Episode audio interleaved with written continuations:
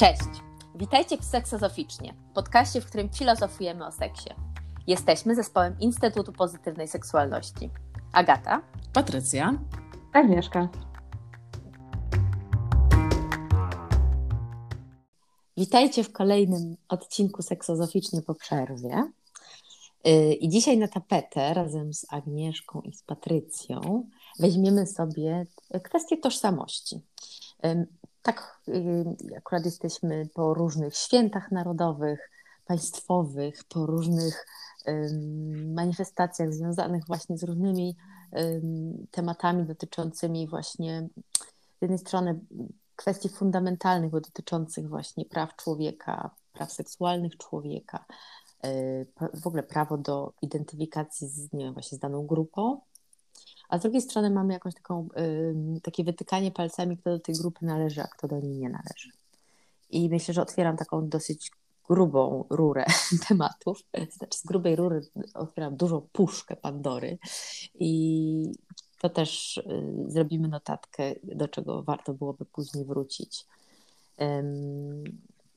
Czy macie tak, że zadajecie pytanie do człowieka, z którym jesteście, nawiązujecie relacje, kim jesteś?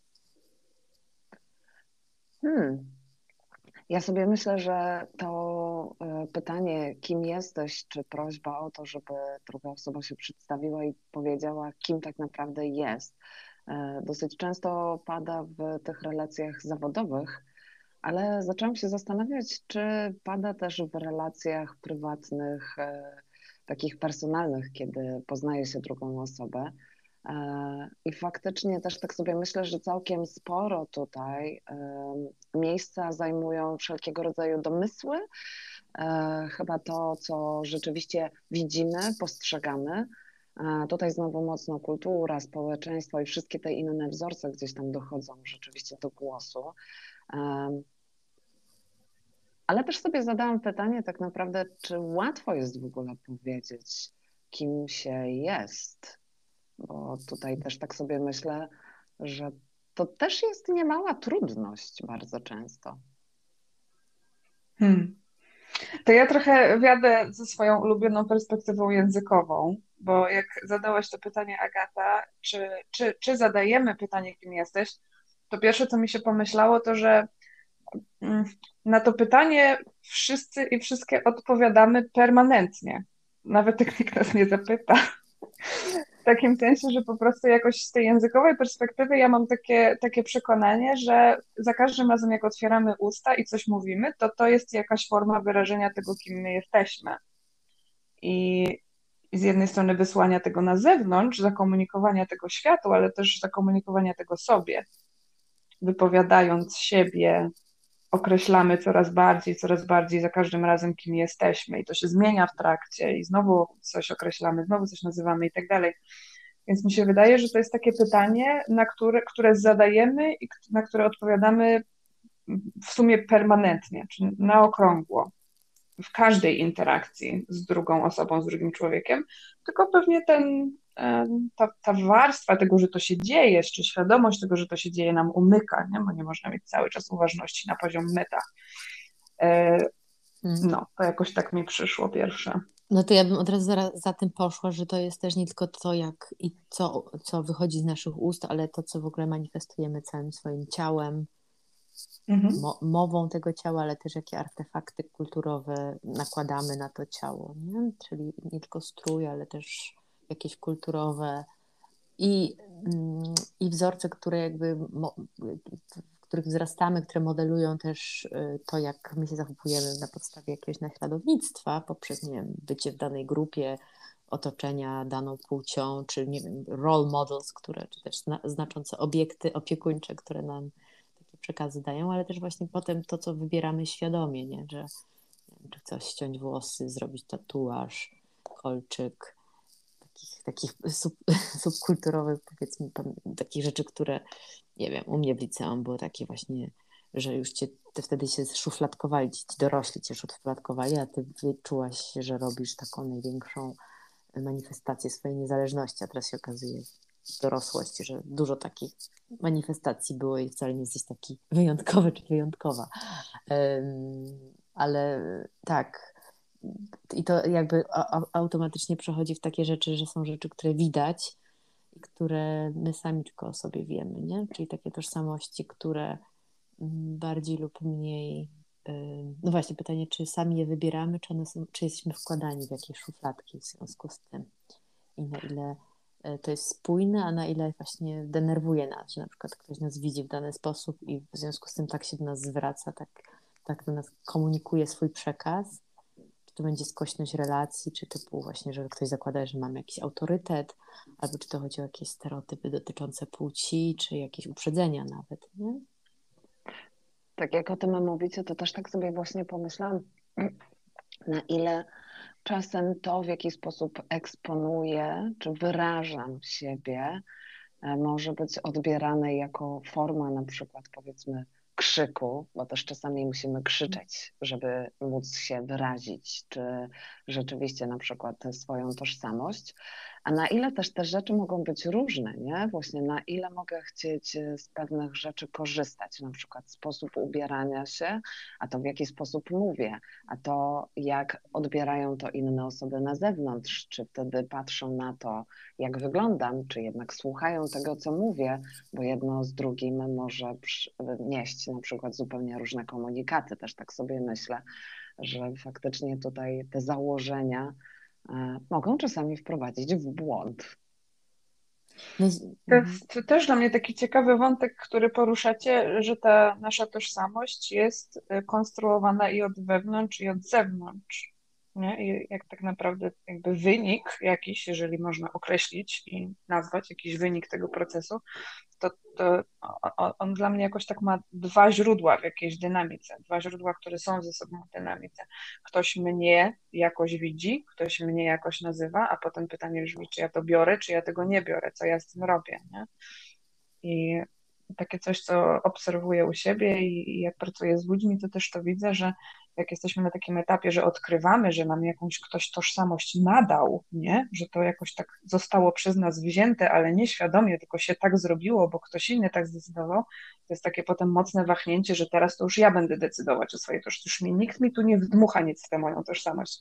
Ale to jest oczywiście nie do wykonania, bo ludzie cały czas będą dmuchać w tę tożsamość, a my musimy się decydować, czy my przyjmujemy to, to, te, te wkłady jakieś, czy wykonujemy czasami ciężką pracę emocjonalną, mówiąc nie, ja tego nie biorę, ty to sobie weź z powrotem. To nie moje. No tak, ile takiej energii wewnętrznej idzie czasami, żeby podpalić wszystkie mosty, żeby się tej, tej tożsamości wyzbyć, która była nam taka nadana, myśmy tak bezkrytycznie ją przyjęły, a potem y, okazanie się, że na końcu tej, tego, jak opadają te, te, te pyły po, powojenne, się okazuje, że jednak te osoby z zewnątrz może miały rację.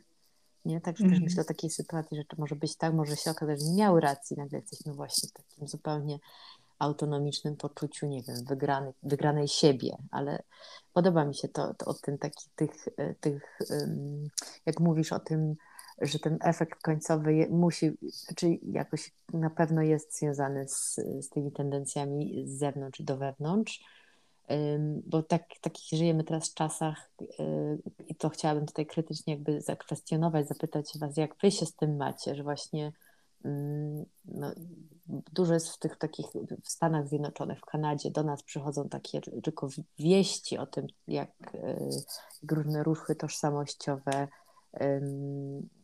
być może jakie, jakie generują się konflikty wskutek tych potrzeb wyrazu tych grup tożsamościowych. Znaczy wszystko, wszystko jakby to, to, to jest mowa o wszystkich, nie? Że każdy, czy to będą, właśnie jest bardziej wojna, które tożsamości być może mają większe prawo do, do głośnego właśnie wyrażania siebie albo wywalczania swoich praw, czy te prawa są zabierane, czy tak naprawdę jak ty będziesz mieć prawo i ja będę mieć prawo, to razem będziemy mieć prawo, a nie, że ktoś komuś musi coś odebrać. Ale takie, mm, ale dlaczego chcę, zmierzam to to, że jest takie pytanie, że, co sądzicie o takim podejściu, że dopóki ci nie powiem, kim jestem, to nie, nie dawaj sobie prawa, żeby mnie określać. Wishful thinking. Pierwsze, tak. co mi się skojarzyło, to myślenie życzeniowe. No Fajnie by było, gdyby się można było powstrzymać przed y, wytworzeniem obrazu czegoś, co się widzi, zanim ten obraz zacznie używać słów, żeby nam powiedzieć, czym jest. Byłoby super.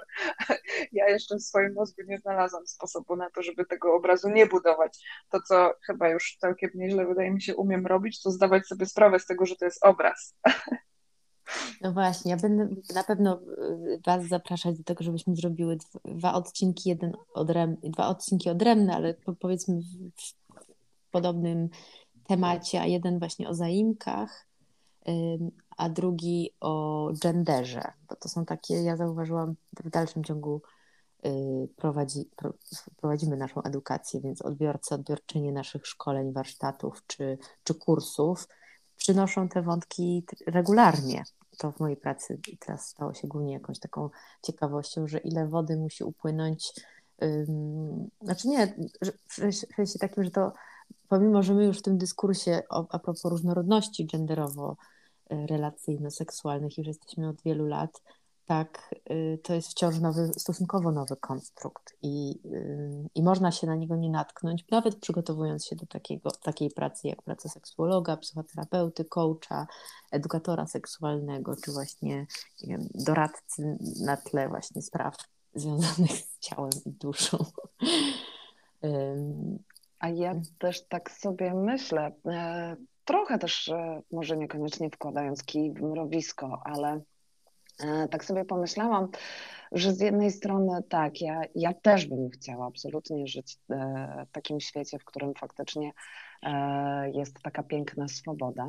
Z drugiej strony też tak sobie pomyślałam o czymś takim, że jednak to jakoś jest też poniekąd uwarunkowane, nie? No bo wiecie, widzę drugą osobę, osoby i ewentualnie potencjalnie oceniam, czy jest jakieś zagrożenie, czy nie. W momencie, kiedy wyłączam te wszystkie mechanizmy oceniające, tak naprawdę nie wiem, czy wszystko jest w takim układzie zagrożeniem, czy wszystko tak naprawdę mi służy. A co w sytuacji, w której wchodzę w relacje, wtedy nie wiem, czy osoba, która jest po drugiej stronie, czy osoby, z którymi wchodzę w relacje, rzeczywiście chcą dla mnie jak najlepiej, czy może jednak muszę być w ciągłej uważności mieć e, właśnie taką uważność i baczność na to, czy i w jaki sposób druga osoba, czy inne osoby się zachowają.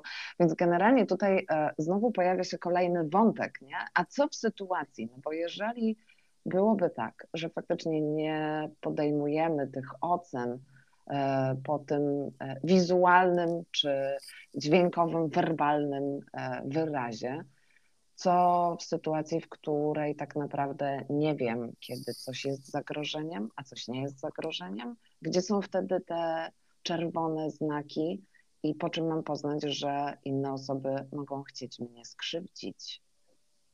Super i właśnie to myślę, że to jest bardzo ważne, to co mówicie o tych implikacjach i to już jesteśmy tak na kolejnym kroku, czyli konsekwencje tego, jak ta tożsamość, czy ona będzie schowana, czy będzie jasno wyrażana, czy robimy to świadomie, czy jesteśmy w stanie to w pełni robić świadomie, nad czym, czy jesteśmy to też w stanie przykontrolować i czy jakby mając na uwadze tą ilość czynników, która cały jest w ciągłym ruchu takim atomowym, że właśnie, że, że nie wiem, to czasami jest przejście z jednej bańki do drugiej informacyjnej, że tutaj w tej bańce jesteśmy jakby całkowicie zabezpieczone i afirmujemy siebie takim, jakim jesteśmy w tej całej automatyczności, spontaniczności, a potem wychodzimy na ulicę i się okazuje, że musimy, że bardzo szybko czujemy nawet z poziomu ciała, że musimy trzymać język za zębami, bo jakby widzimy, że to, co mówimy, jakby jest przeżywane, jako, zaczynamy przeżywać coś jako nieadekwatność.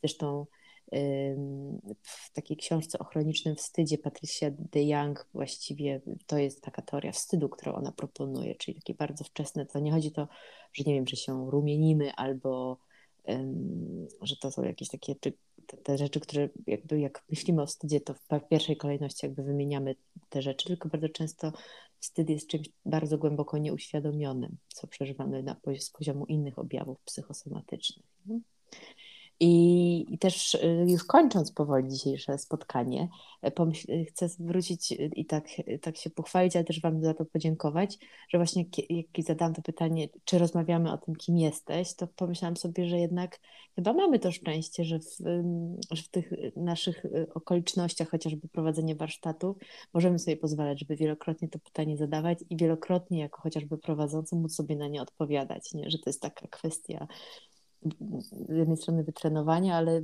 żeby być w ciągłej tej wrażliwości, takiej ciągłej reinwent, nie wiem, ta inwentaryzacja jest moje ulubione słowo, ale wiem, że ono nie jest takie najładniejsze w tym kontekście, ale takiego ciągłego y, sprawdzania w sobie, czy to jest dalej ak takiej aktualizacji wiedzy o sobie. I to, to, to jest super, że możemy też tak rozmawiać z tego poziomu, y, tego ja tu i teraz, nie? Mm. Jakoś mi się to skojarzyło z definiowaniem, nie wiem, ta inwentaryzacja z definiowaniem i redefiniowaniem. Tak jakby takie, no znowu z języka mówię oczywiście, pisanie definicji siebie na nowo cały czas, nie? Za każdym razem, kiedy się wyrażasz, to znowu masz szansę napisać nową definicję siebie.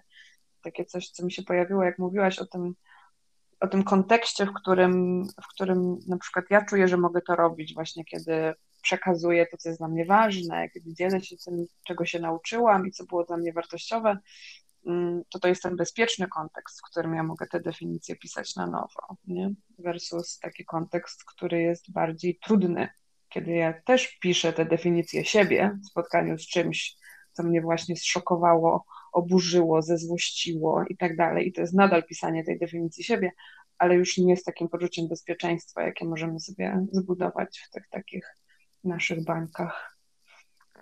Ze mną też mocno zostało zdanie, które chyba ty, Aga, wypowiedziałaś. Wypowiadając siebie, określamy siebie. E, I to jakoś mocno też wokół tych definicji e, też krąży, że rzeczywiście czasem mogę po prostu nie chcieć e, wyrażać siebie, nie wypowiadać siebie na zewnątrz i to też jest ok. I ta dowolność i świadomość jakoś tak mocno ze mną zostaje. Super, dziękuję dziewczyny, bo też chcemy Państwa czy osoby, osoby słuchające zaprosić do takiego e, stworzenia takiej możliwości dla siebie, żeby z siebie spróbować opisać, zdefiniować i na tu i teraz, ale też właśnie z taką e, z automatycznym, z drugim zaproszeniem do zrobienia tego ponownie za kilka dni. To nie jest tylko tak, takie, taki przywilej osób, które prowadzą warsztaty albo spotykają się w kimś kontakcie terapeutycznym czy, czy, czy rozwojowym.